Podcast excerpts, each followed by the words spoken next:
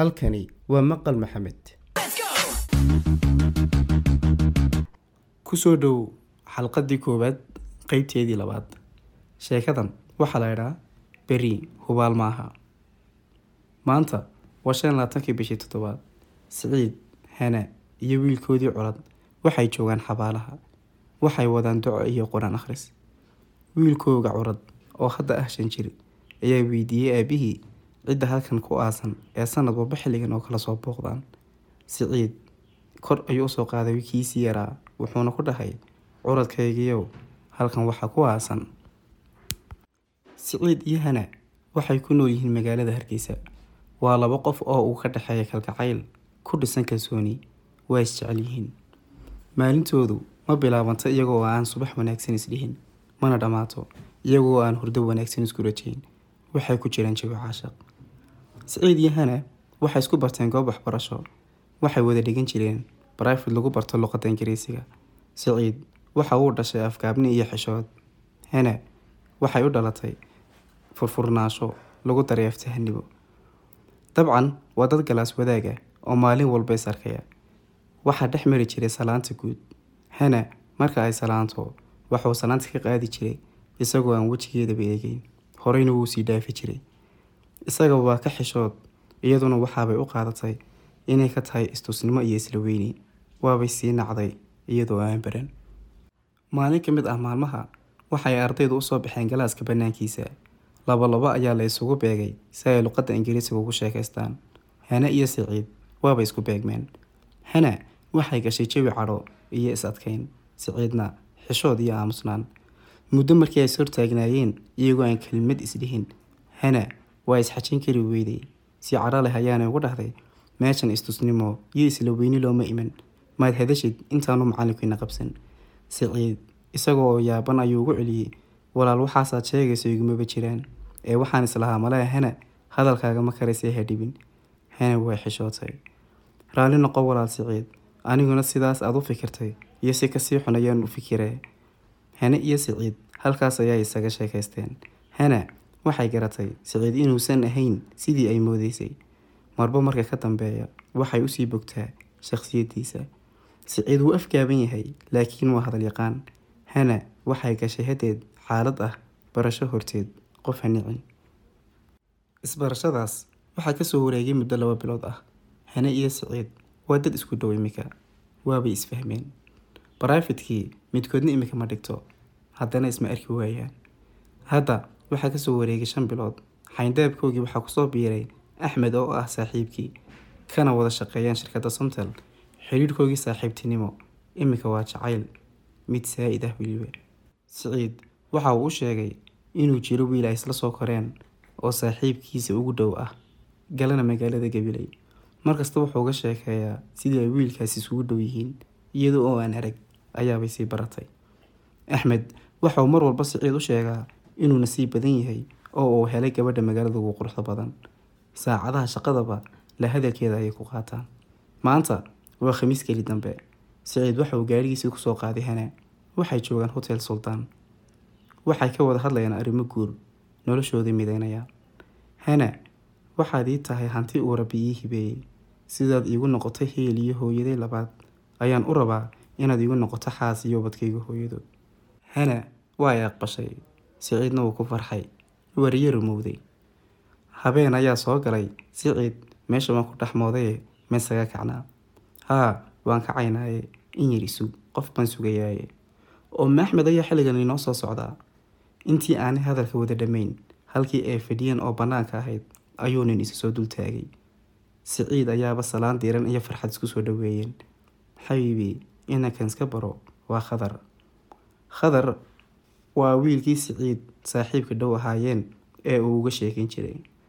Khadara alla walaal soo dhawow suuqa kedis iga kaa dhigay. Waxa dhahday Hana. Kediskaas ayaa ma rabay inaad isku aragtaan ugu dambeyntiina waa idinkaas is arkay.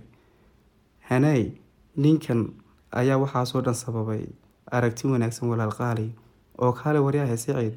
Hana waa gabadha magaalada Hargeysa ugu quruxda badan ee sii ogo maxaad ii dhihi weyday. Waxa sidaas leh Khadar. Hana xishood ayay la aamustay oo dhaalo caddayn unbaa ka soo hadhay. Dhaxantii iyo hooyashadii muuji meelay mareen. Halkii ayay sii fadhiyeen ilaa sagaalkii habeenimo. Kaftanka iyo qosalka ayaa isgaadhay khadar waxaabad moodaa inuu hane u daawanayo sida t v-ga. Oo maqaladba waa may miyaanu nin ahayn. Wahaa ugu dambeyntii waa ay soo kaceen hane guriga ayaa la geeyey iyadoo axdi soo gashay siciid iyo khadarna gurigii siciid ayay ku soo wada hoydeen. Intii dhexda ay ku soo socdeen sheeko aan hane ahaynba ma hayaan. Xaafadda markii ay ku soo laabteen weli hane ma hedhin sidii bay ugu dhex jirtay oo kolba su'aal ka weydiinaya khadar habeenkii sidaas ayuu ku dhammaaday. Maalintii ku xigtayba jimco ayay ahayd. Siciid shaqo ma laha. Khadar waxauu ka dalbaday inuu hane soo kaxeeyo oo ay masallaha tagaan. Siciidna niyad sami ayuu ku aqbalay. Nasiib wanaag hane way aqbashay hadda waa afartii galabnimo siciid iyo khadar waxay u diyaargaroobayaan in ay baxaan. Halka lebiska khadar ayaabad moodaa ninka gabadha u tegaya. Waxa ay soo mareen hene oo xaafadda xawaadla degan waxaanay tageen hoteelka masalaviyu saddexdooda waxay fadhiyaan dusha sare. Hene iyo siciid magaalada ayay daawanayaan. Khadarna hene ayuu daawanayaa. Lakala warla. Sheeko dheer ayay galeen hene iyo khadar maadaama ay isku cusub yihiin. Siciid keliya waa markhaati dumaashi hadeed aan kaa warhaye nambarkaagii muxuu ahaa iyagu kaas ee qoro ayay sheekadu sii socotaa. Cabaar dabadeed waxaa imid siciid saaxiibkiisii kale ee axmed. Sheekadii mid guud ayay noqotay oo gaarkii way ka soo baxday. Khadar waxauu ka soo jeedaa xaafad lacag leh wixii la isticmaalo oo dhan isaga ayaa bixinaya isagoo diiday inuu qof kala bixiyo. Waa xariif. Jimcahaasi wuxuu ku soo dhammaaday jacaylka siciid jibada khadar iyo jaleecada axmed ay u wada qabaan hana laba habeen dabadeed khadar wuxuu siciid u sheegay inuu gabadh uu magaalada ka garanayo la ballamay. Wuxuuna u sheegay inay laba gabdhood oo kale la socdaan. Sidaa darteed isagii iyo axmed ay u raacaan ballanka. Way ka aqbaleen ilaan martida waa la tixgeliyaaye. Waxay isku raaceen hoteelka cali jirtay. Waa iswada barteen oo sheeka wadaag ayay noqdeen. Intaas siciid lama hadal hana oo wuxuu ka cabsi qabaa inay qalad u aragto haddii uu gabadh baan raacay ka dhaho wuu kala baqayaa. Caweyskoodii horey ayuu soo dhammaaday maadaama isku wada cusbaayeen gebigooduba waana kala hoydeen. Markii uu soo hoyday ayuu hana wacay waxaana u sheegay inuu kubad ciyaariya caawa oo taleefonka kaga tegay guriga. Way ku qanacday. Khadar waxa uu weydiiyey inuu ku kalsoon yahay hana oo uu dhab u jecel yahay isaguna wuxuu ugu celiyey noloshaba iyadan ugu hiibeeyey habeenkaas wixii ka dambeeyey khadar keligii ayuu baxaa isagoo siciid u sheegaya inuu hadba gabadh cusub soo bartay oo uu tegayo. Wuu aaminaa. Khadar si deg deg ah ayuu ugu laabtay gabilay isagoo siciid u sheegay inuu howl deg deg ah ku soo baxday. Maalmahaas wixii ka dambeeyey hana hanadii hore maaha xiriirkii ay siciid la lahayd wuu soo koobtaa. Iminka aroor walba iyo habeen walba maaha kuwii isla hadla. Haddii au wacana hadalka way soo koobtaa. Siciid waxa qaldan wuu fahmi laayay. Markasta uu hano weydiiyey inay dhibaata jirtana waxay ugu soo koobtaa dhib ma jirto. Xaalad dhimasho nool ah isagoo ku jira ayaa marmarka qaar waxa uu arkaa snabchatkeeda iyadoo gabili joogta. Marka uu weydiiyo waxay ka doontay waxay ugu soo koobtaa haba ayaanu tagaa wuu ku qancaa. Waa daacad. Sheekadu kolka hadda intuu garanayay way dhaaftay oo u waaqan kari waaye wuxuu la wadaagay saaxiibkiisii kale ee axmed axmed oo saaxiib gabadhii aan jeclaa maaha tii aan axdiga iyo ballanka wada galnay? Waxaan u geystayna garan maayo. Waxay tirsanaysana waayey. Ma garan saaxiib waxaa jira. Maan garan.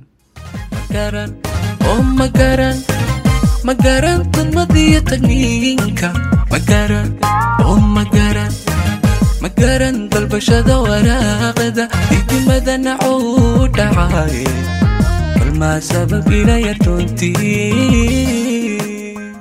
wuxuu axmed ugu celiyey saaxiib. Naf wax jecel wax ma aragtee? Inanta waxaa la wareegay saaxiibkaa khadar. Ee gowanimada qaadoo inanta uga hadh ama gunnimada qaadoo ka aargooso intaas markii ay ka soo baxday ayuu miyirkii iyo maankii u soo noqday siciid oo uu xisaab badan isku geystay.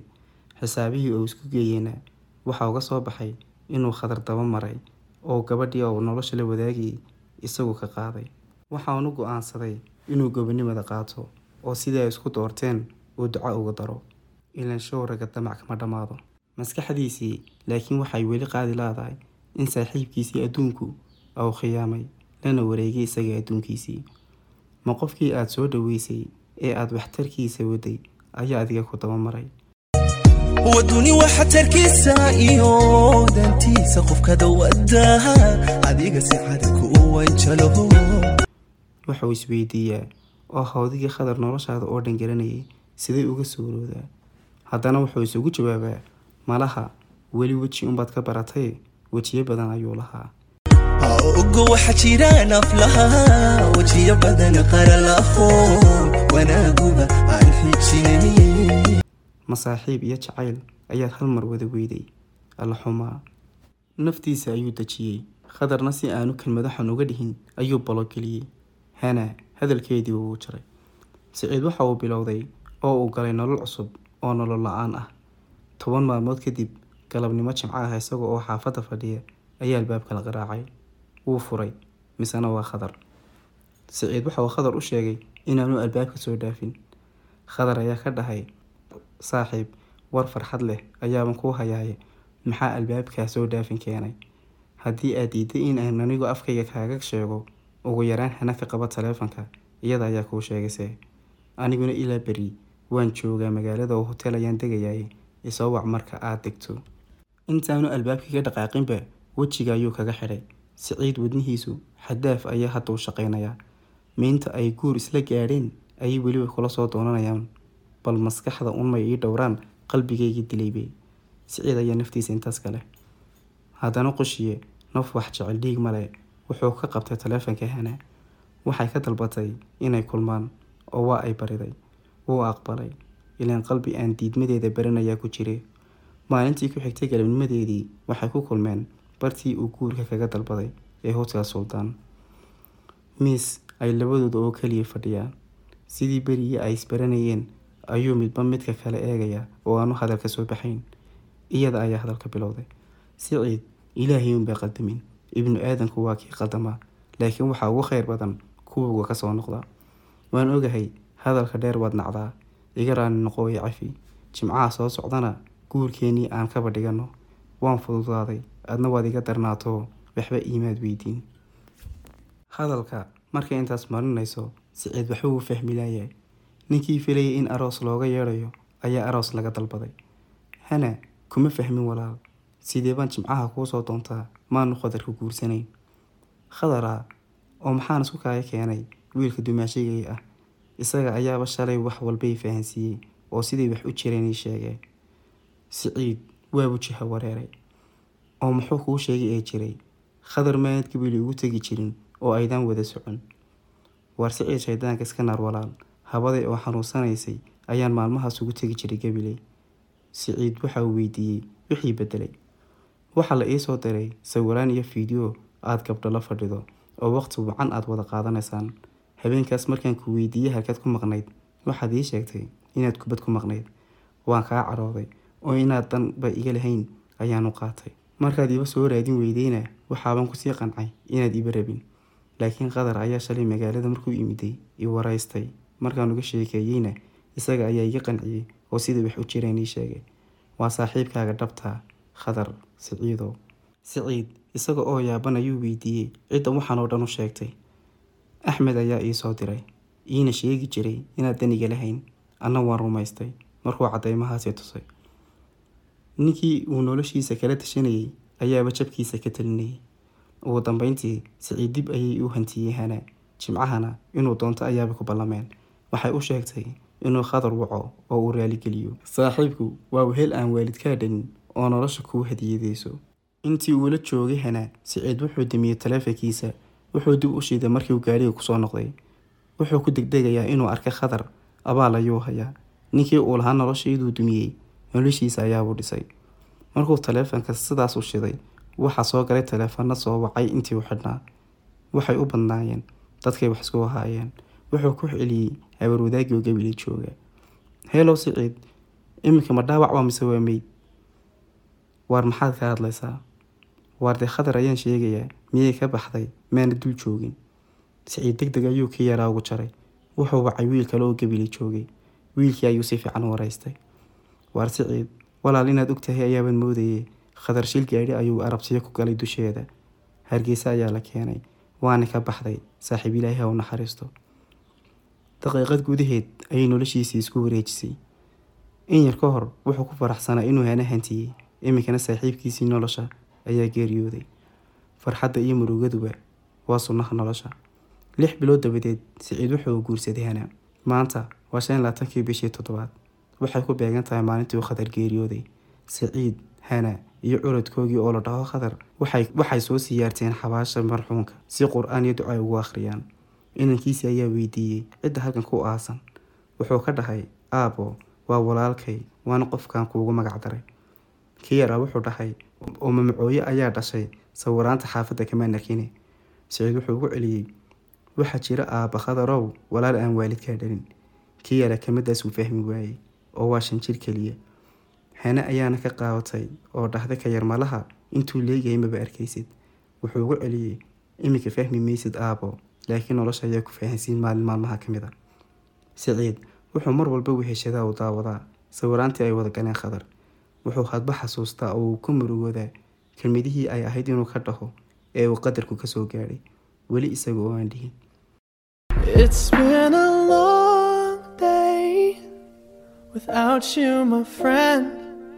And I'll tell you all about it when I see you again. We've come a long way from where we began. Oh, I'll tell you all about it when. qofkaad maanta la joogto maaha hubaal inaad beri wada joogisaan